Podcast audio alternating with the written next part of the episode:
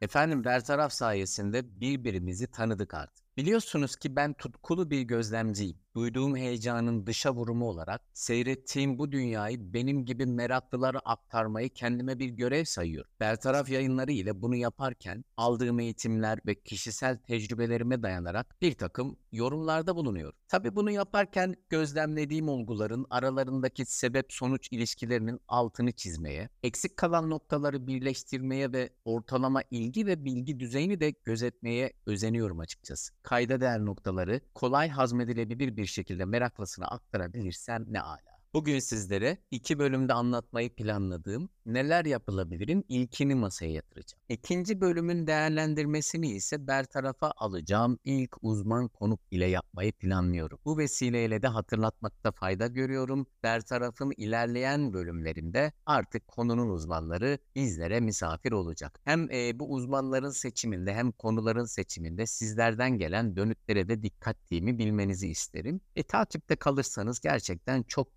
keyifli ve derin sohbetler bizi bekliyor olacak. Sizler bertarafı dinliyorsunuz, seviyorsunuz. Ben biliyorum. İnanın buna dünyanın her yerinden dinlenmeye başladı. E, bu anlamda da bizi dinlemeniz keyifli ama daha çok büyüyebilmemiz için de yaygınlaşması da gerekiyor. Sizin katkılarınız gerçekten oldukça önemli olacak. Sizlerin de iyi bildiği üzere bertaraf yayınlarında konuştuğumuz konular, bunların aksiyona geçmesi için bir motivasyon yaratmak bizim ülkemizde hiç kolay değil. Neden zor olduğunu ise Amerikalı bilim insanı Abraham Maslow'un 1943 yılında insan psikolojisi teorisi üzerine yayınladığı bir makalesinden bir takım alıntılar yaparak anlatmak istedim. Maslow, bireyin bir kategorideki ihtiyaçlarını tam olarak gidermeden bir üst düzeydeki ihtiyaç kategorisine dolayısıyla kişilik gelişme düzeyini geçemeyeceği iddiasında bulunuyor ve kategorizasyonu şu şekilde yapıyor. Bunu görsel olarak da pek çoğunuz Maslow'un ihtiyaçlar piramidi olarak da mutlaka görmüşsünüzdür. Piramidin en alt basamağı fizyolojik ihtiyaçlar olarak tanımlanmış. Bireyin nefes alma, beslenme, içme suyuna erişimi, cinsellik ihtiyacı, uyku, sağlıklı metabolizma ve boşaltım ihtiyaçlarının bu bölümde sağlanması gerektiğinin vurgusu yapılmış. Yani birey bu fizyolojik ihtiyaçların her birine bir tık atmadan bir üst basamağa geçemiyor ve bir üst basamakta bulunan kategorizasyon gereksinim olarak algılanmıyor. Burası kritik nokta. Peki bir üst basamakta ne var diye bakacak olursak bir üst basamakta güvenlik gereksinimi yani bunu da biraz açacak olursak burada da sağlık ve mülkiyet güvenliği, kişinin iş sahibi olması, ahlaki yargıları, beden ve kaynak kullanımı da bu bölümde tanımlanmış durumda. Yani siz fizyolojik ihtiyaçlarınızı tamamlarsanız bu basamağa çıkmış oluyorsunuz ve bu basamakta da az önce saydığım işinizin olması, sağlıklı ve mülkiyet güvenliğini sağlıyor olmanız gerekiyor. Ve bu ilk iki basamağı sağladıktan sonra yani artık nefes alacağınız bir eviniz var, karnınızı doyurmayla ilgili sıkıntınız yok, bir barınağınız var. İkinci basamakta da bu barınağın artık mülkiyet sorunuyla ilgili sıkıntılarınız yok, sağlık problemleriniz yok ve bir de işiniz var. Bütün bunlara tik attıktan sonra üçüncü basamağa hoş geldiniz. Üçüncü basamak ait olma ve sevgi basamağı. Şimdi artık bu tanımlanmış oldu. Burada da ailenizi kurabilirsiniz, arkadaşlık ilişkilerinizi geliştirebilirsiniz ve cinsel mahremiyet konuları da bu basamakta gereksinim olarak karşınıza çıkıyor. Eğer buradaki bu üç olguyu da tik atarak geçerseniz artık piramitte dördüncü basamağa yükselmiş olursunuz. Orası da saygınlık gereksinimi olarak tanımlanmış. Buraya yakından bakacak olursak nedir bu saygınlık gereksinimi? Burada da öz saygı, özgüven, başarı, başkalarına saygı duymak ve başkaları tarafından saygı duyulmak bu basamakta lan değerlenmiş. Eğer burayı da atlarsanız artık piramidin tepesindesiniz. Kendini gerçekleştirme ve gereksinim bölümüne hoş geldiniz. Bu noktada da artık erdemli bir yaşam, yaratıcı, içten, problem çözücü, ön yargısız ve hakikatleri kabul ederek bir yaşama yelken açacağınızı Maslow bize bildirmiş oluyor.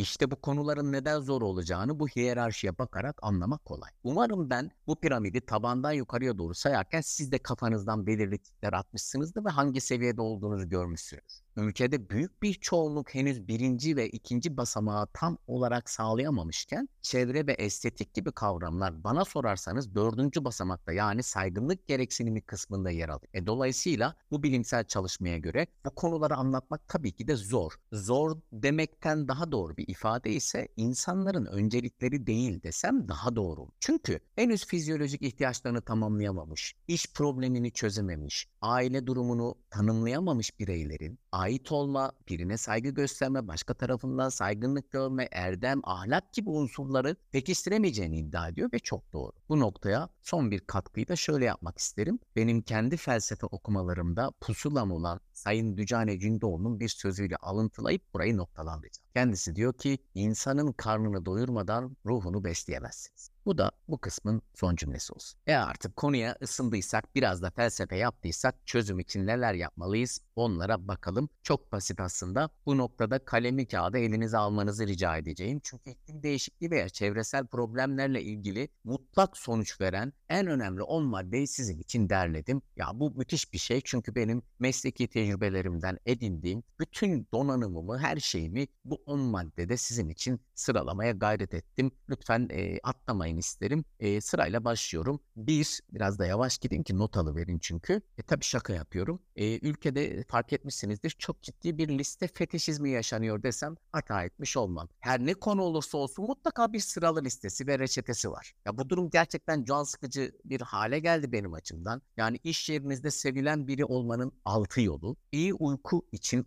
yapılması gereken 7 önemli husus. İyi uyudun, şimdi uyanman lazım. Güne dinç başlayabilmek için 4 maddeye dikkat edelim. Yani liste o kadar uzun ki. Yani at gitsin gibi bir şey. Tabii benim böyle bir listem olmayacak. Hatta ben olayın sadece iklim değişikliğiyle mücadele olarak tanımlanmasından da rahatsızım. Çünkü özünde bu kavramlar birlikte yaşadığımız doğaya ve ekosisteme göstermemiz gereken bir saygı meselesi. Altını çiziyorum. Bu bir saygı meselesi. Vereceğimiz çabaları kendimiz ve daha da önemlisi çocuklarımız için bu şekilde yapılandırırsak çok daha sağlıklı temellendirmiş oluruz. Ekosistemin bütün bileşenleri insan için vardır şeklinde kurulacak bir hipotezi, ekosistemdeki tüm canlılar birbiri için vardır ile değiştirdiğimiz anda emin olun değişimi de başlatmış olacağız. Bahsettiğim gibi olaya sadece iklim değişikliğine verilecek mücadele olarak bakmamamız lazım. Bizim için önemli olan saygı temelli bir tutum geliştirilmesi. Bu da nezaket sahibi veya duyarlı bir insan olmak gibi bir şey bence. Nezaketinizi ve geliştirdiğiniz hassasiyetlerinizi bir takım koşullara bağlı olarak değiştirmediğinizde bunlar sizin artık tutumlarınız ve ilkeleriniz olmaya başlıyor. Böylece çözümün parçası olurken belirli bir koşula bağlı da kalmamış oluyorsunuz. Bu aslında sizi gereksiz yüklerinizden kurtaran bir şey.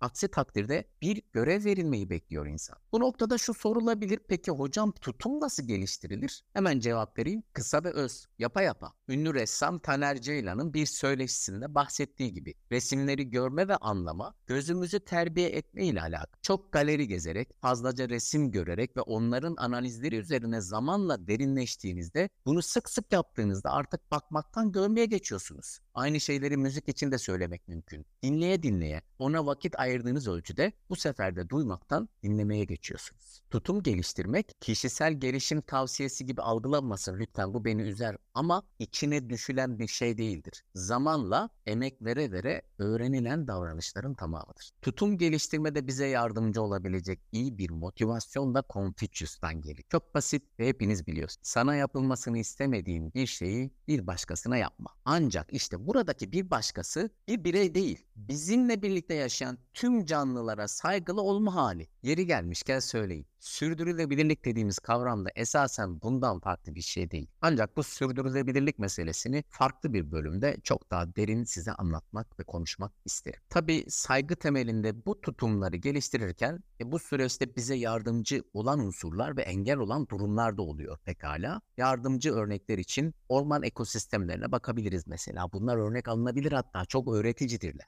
İnsanın yaşanabilir bir dünya dünyanın sürekliliğini sağlaması ve sorunlara sürdürülebilir çözümler üretmesi, diğer canlıların varoluşlarını öğrenme, enerji, beslenme, barınma ve birlikte yaşama gibi alanlardaki güçlükleri nasıl açtıklarını anlamak için merakla doğaya bakmayı, doğaya örnek almayı ve doğayı bir öğretmen olarak görebilmeyi deneyimlemesine bağlı. Örneğin kafanızı kaldırın ve doğaya şöyle bir bakın. Doğa sadece ihtiyacı olan enerjiyi kullanıyor. Her şeyi geri dönüştürüyor ve doğa çeşitliliğe dayanıyor. Doğa aynı zamanda kendi içindeki fazlalıkları da kontrol altında tutabiliyor. Doğaya baktığınızda şunu görüyorsunuz. Maksimizasyondan çok optimizasyonu görüyorsunuz. Doğa uyum sağlıyor ve evriliyor. Bunlar gerçekten çok güzel örnekler. Orman ekosistemi örnek alınabilir dedim. Hepsini ziyadesiyle bize sunduğu için en başta. Son olarak da şu katkıyı sunabilirim. Doğadaki ilişkilerin tamamı simbiyotiktir, birbirleri için vardır. Aynı zamanda da doğada bütün parçalar toplumdan daha fazlası. Süreçteki olumlu motivasyonu doğayla anlatmış oldum. Tabi bu süreçte sizi bütün çabalarınızdan alıkoyacak harici umutsuzluk jeneratörleri de vardır, varlar biliyorum ve bunlardan uzak durmak çok faydalı. Şimdi biraz da buna bakalım bunlar nedir? Abartılı anlam yükleme müptelası olan bu tipler öyle olumsuz ve toksiktirler ki bırakın doğaya saygı temalı bir tutum geliştirmeyi, gündelik hayatınızdaki normal bir eyleminizden bile sizi alıkoyar.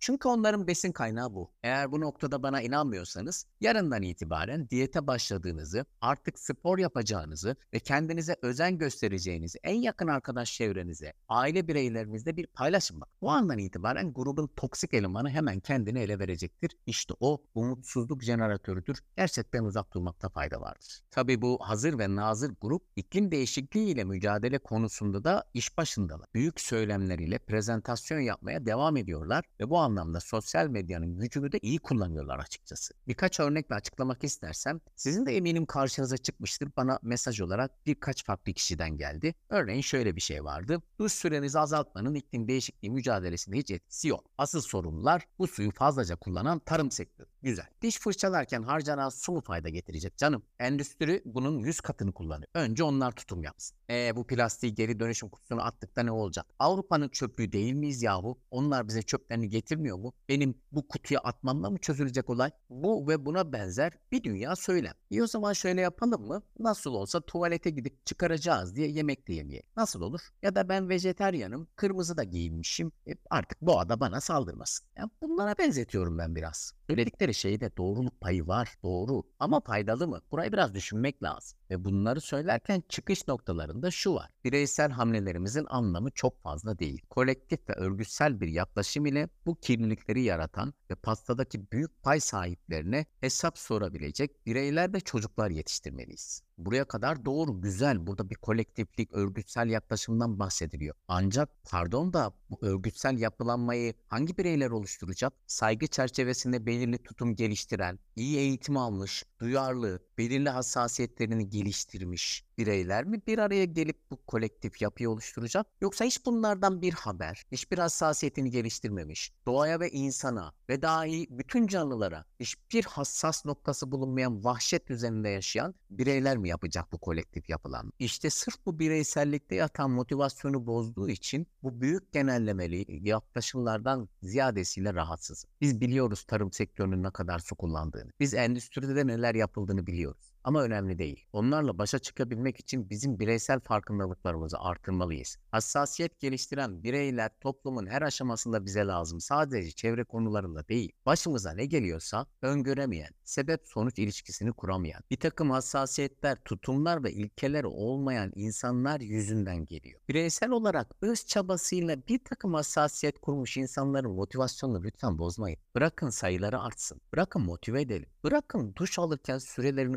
kısaltsınlar, suyu az kullansınlar. Tüketim alışkanlıklarını gözden geçirsinler. Dişlerini fırçalarlarken hakikaten de boşa akan suyu kapatsınlar. Bunda kime ne zarar? Evinde çocuğuna geri dönüşüm poşetlerini anlatan annenin suçu ne? Şöyle mi deseydi? Yavrum biz bunları topluyoruz ama boş ver ya. Zaten hiçbir anlamı da yok. Plastik şu bu. Karışık atalım. Dünyanın bütün plastik atıkları da bize geliyor. Bizim buradaki faydamızın hiçbir amacı yok denmesinin bir faydası var mı? Netice itibariyle beni rahatsız eden noktayı açıkladığımı düşünüyorum. Farklı da düşünüyorum düşünebilirsiniz. Ben sadece büyük bir çabayla, gayretle hem de böyle bir ülkede kendi kişisel hassasiyetini geliştirmiş bireylerin zamanı geldiğinde fırsat yakaladıklarında kolektif bir örgütsel yapıyla pervasızca dünyayı ve ekosistemi yok etme pahasına davranan sistemin karşısında duvar gibi duracaklarına inanıyorum. Hayata dair hiçbir saygısı olmayan, kendini geliştirmeyen, gelişime kapalı tiplerin kolektif yapısından sadece vahşet doğar. Ben buna inanıyorum. Ve bu bölümü Çetin Altan'dan bir alıntı yaparak bitirmek istiyorum. Yaşam sevgisi bir kültürdür. Tıpkı çiçek sevgisi, tıpkı müzik sevgisi, tıpkı yüzme sevgisi gibi. Bu sevgi ya vardır ya yok.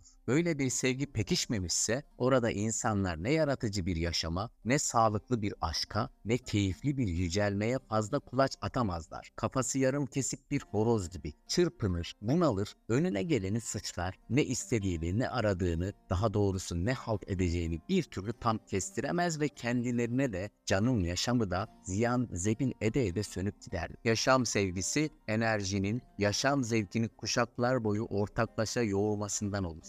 Enerji yoksa orada sadece kurnazlık vardır. Kurnazlık da yaşam sevgisiyle yaşam zevkinin en amansız cellatıdır. Efendim kendinize iyi bakın. Bir sonraki bölümde görüşmek üzere. Hoşçakalın.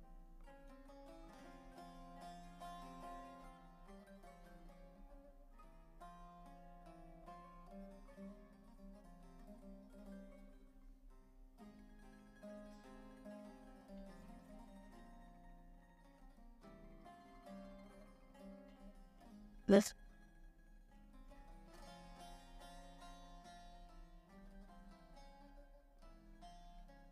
Uh, first, I don't know.